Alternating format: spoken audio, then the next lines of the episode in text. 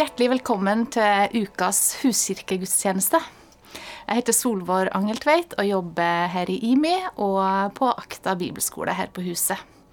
Og denne uka så gikk jeg inn i uka i en ventekarantene. Eh, I min familie så var det én person som kom i karantene. Og da kom jo hele familien i ventekarantene. Så vi tulla litt med det at eh, her i Stavanger, da, i hvert fall hvis du har unger på en skole, så er det sånn at vi nå er delt inn i tre kategorier. Det er de som er i karantene, og så er det de som er i ventekarantene, og så er det de som venter på en karantene. Jeg tror ikke det er fullt sånn, men eh, vi er i hvert fall i ei tid hvor vi venter og må lære oss til å vente på ting. For det er mange ting som ikke vi kan akkurat nå. Vi må vente med å gå på besøk, vi må vente på å få besøk, vi må vente med å gå på de tingene vi er vant til å gå på. Eh, og så får vi kanskje eh, ei tid hvor vi får øve oss på noe som faktisk er ganske viktig. Eh, for i Bibelen så står det ganske mye om det å vente på Gud. Eh, og at det er en viktig ting. Og så er det jo sånn at når vi venter på Gud, så er det jo ikke sånn at han er bare på vent. Han er faktisk i aksjon. Eh, og denne uka så har jeg hørt vitnesbyrd om eh, ei som var veldig sjuk eller hadde veldig sterke smerter. Normalt sett så ville hun ha reist til Stavanger for å gå på helbredelsesrommet. Men det er jo ikke åpent nå. Og i stedet for å vente på at det skulle bli åpent, så ringte hun til noen. Og så ba de for hun på telefon, og mens de ba, så gikk faktisk smertene veldig ned. Eh, og Gud trenger jo ikke å vente på at et helbredelsesrom skal åpne. Han kan, han kan virke akkurat her og nå, akkurat sånn som situasjonen er. Det skal vi få høre ganske mye mer om. Eh, Geir Loftesnes skal undervise om det temaet i dag, og vente på Gud. Og vi skal òg få vitnesbyrd av David og Kristin Dyer, som deler sine historier på det temaet. Men først så skal Kristin eh, fortelle oss litt om dagens takkegave. Hei, mitt navn er Kristin, er gift med David, og vanligvis jobber vi i Makedonia. Dere som kjenner oss, vet at vi var hjemme dette året med kreftbehandling. Tusen takk til alle som har bedt for oss og gitt oss ting og gitt penger til oss dette året.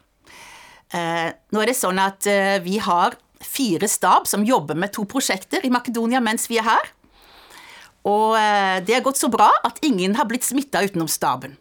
Gud har beskytta de andre, selv om Makedonia ligger på femteplass i verden i dødelighet. Så er det sånn at Gud har beskytta de som kommer til oss. Vi har et kort vitnesbyrd å dele. En av de kvinnene som nå har praksis hos oss, som er med på jobbtreningsprogrammet vårt. Hun eh, kan vi kalle for Ajete. Hun er en ung mor til tre barn. Mannen hennes tok selvmord og etterlot henne med en stor gjeld. Hun kom til oss og ble skrevet opp på nye mulige kandidater til jobbtreningsprogram for to år siden. Men når det skulle nærme seg, så sa hun nei, jeg kan ikke komme likevel, for mannen min Eh, for far, pappaen min, som jeg er veldig glad i, ligger, ligger nærme døden i kreft. Og jeg har ingen til å passe ungene. Da sa jeg nei, jeg skal passe ungene. Du må komme. Eh, og da sa hun etterpå Jeg hadde jo ingen unnskyldning. Kristin sa hun skulle passe ungene. Så kom hun til oss og gikk gjennom jobbtreningsprogrammet. Opplevde at hun hadde verdi, fikk nye venner. Og ble til og med ansatt til slutt av den mest populære frisørsalongen i Skopje. Og nå under korona så har hun praksis i våre lokale ekstra og blir ekstra god. Hun sa til en av våre stab for litt siden nå lever jeg drømmen min. Så vi har to prosjekter. Det ene er jobbtrening, og det andre er fysioterapi. Gratis fysioterapi til alle kvinner som har vondt i ryggen hvis de kommer med røntgenbilde. Massasje og ryggøvelser, kjærlighet og noen som lytter til din historie. Og vi er kjempestolt av staben vår. Og hvis du vil støtte dette arbeidet, så kan du gi VIPS til 11835 Takk for gaven.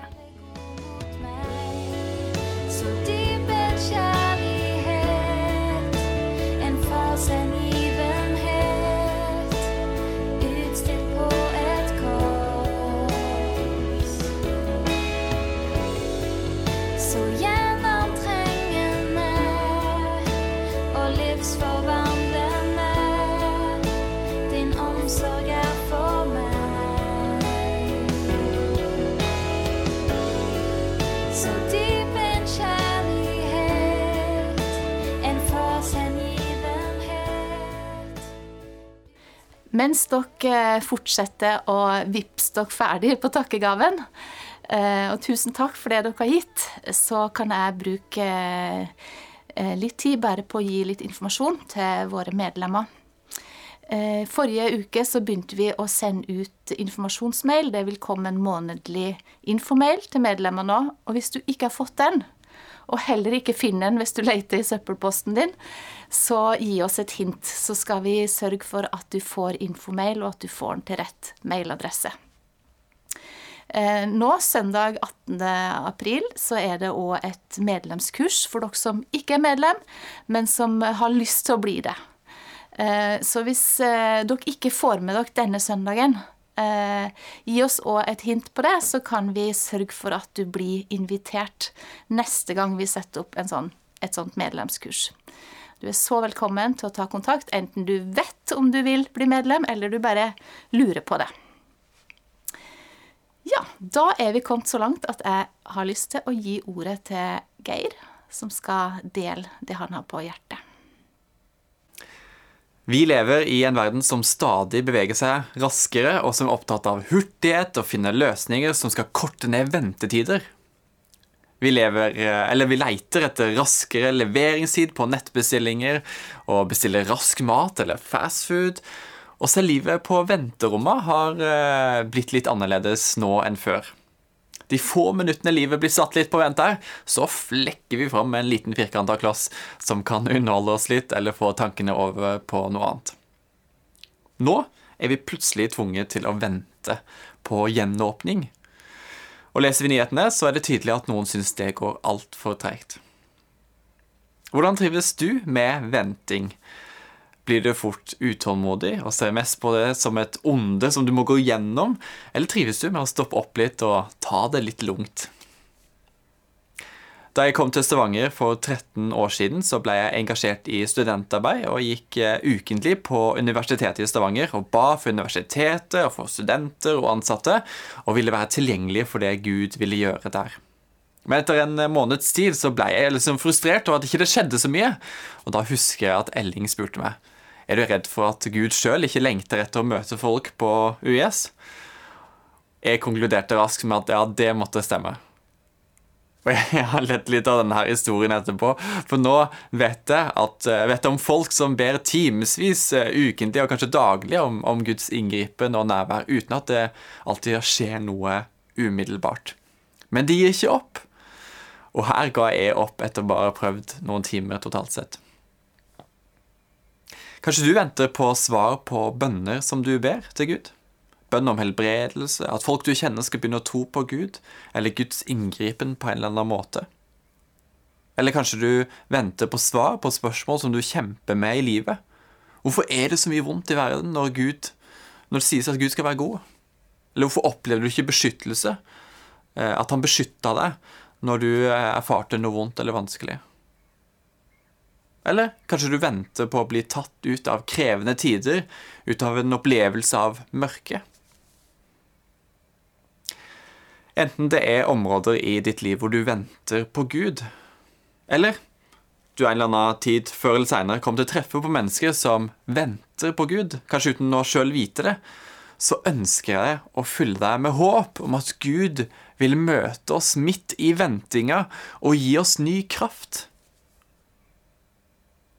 I Jesaja 40, 27 kan vi lese Hvorfor tenker du, Jakob, hvorfor sier du, Israel, min vei er skjult for Herren, min Gud bryr seg ikke om min rett?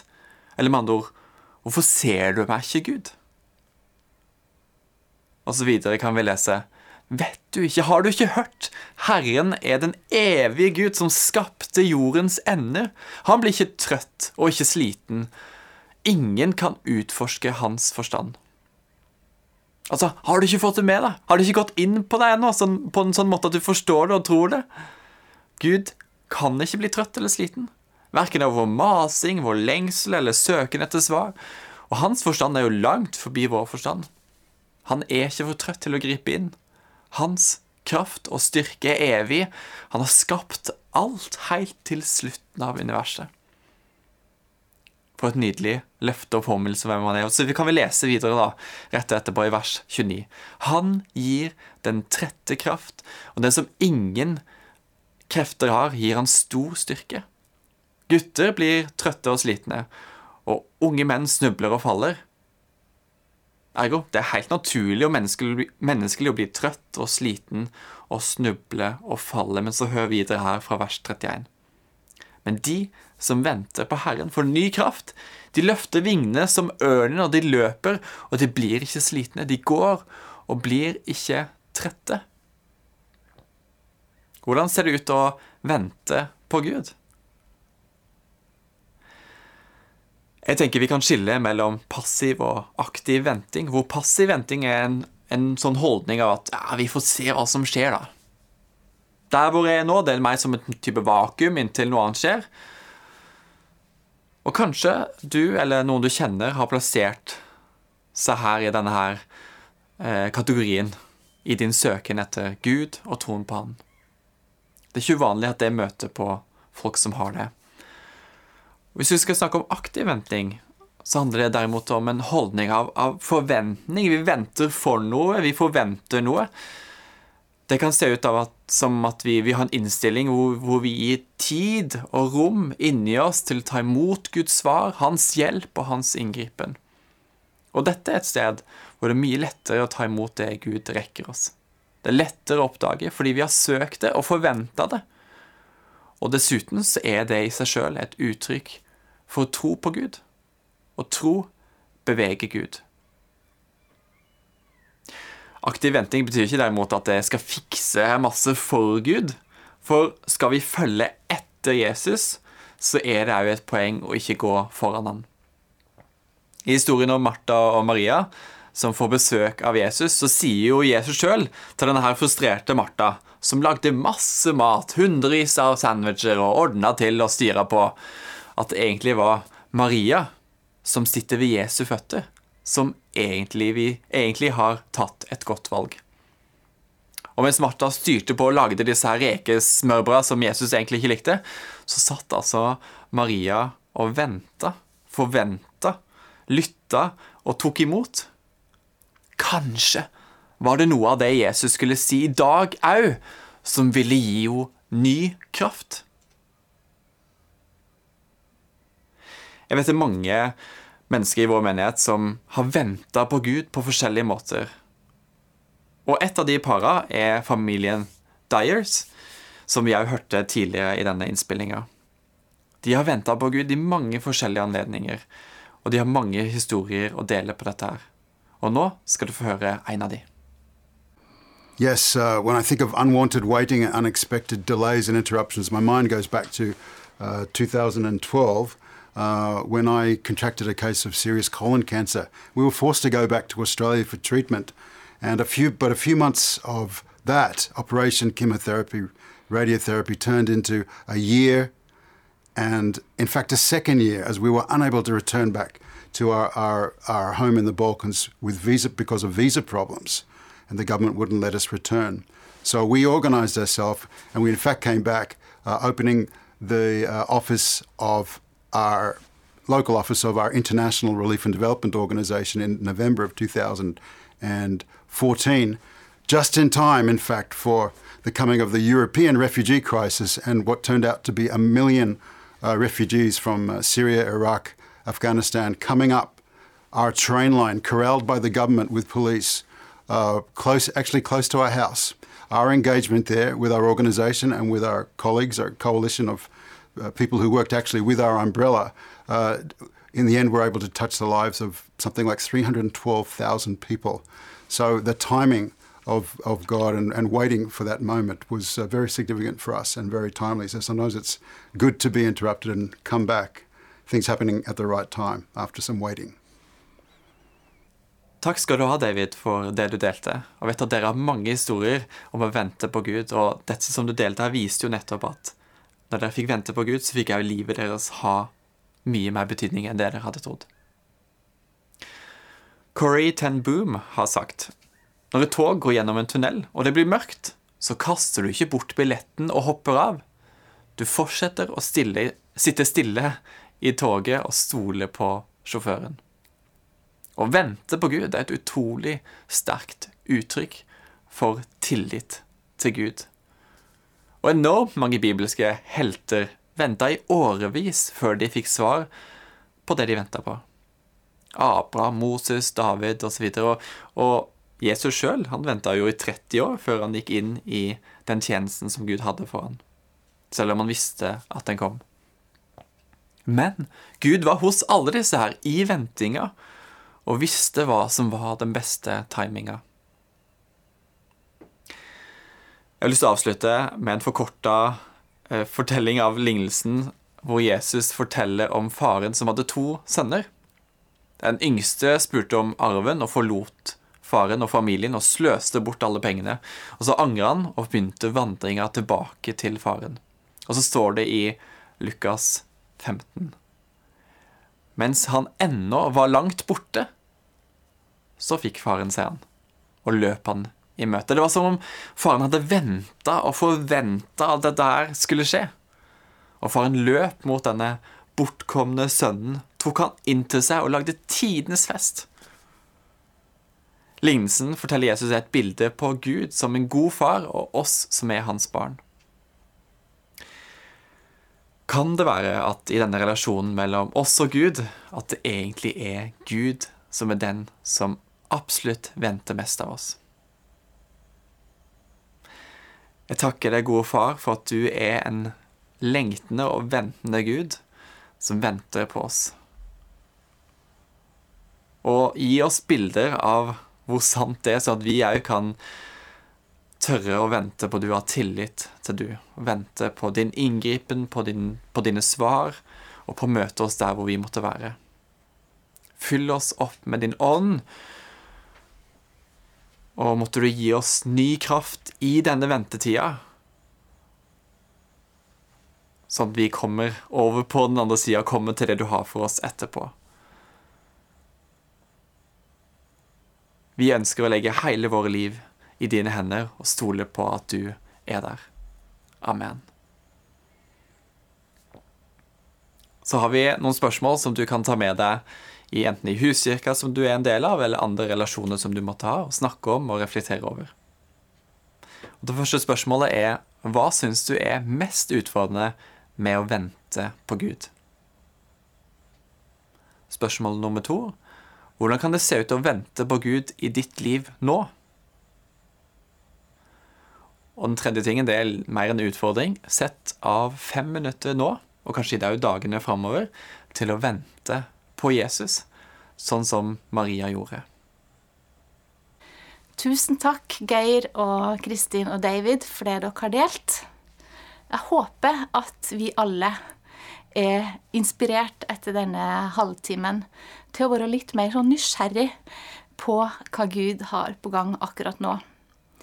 Eh, og før dere fortsetter praten om det i huskirka eller i de du sitter sammen med, så skal dere bare få med dere det aller beste. Guds velsignelse. Herren velsigne deg og bevare deg. Herren la sitt ansikt lyse over deg og være deg nådig. Herren løfte sitt ansikt mot deg og gi deg fred. Amen.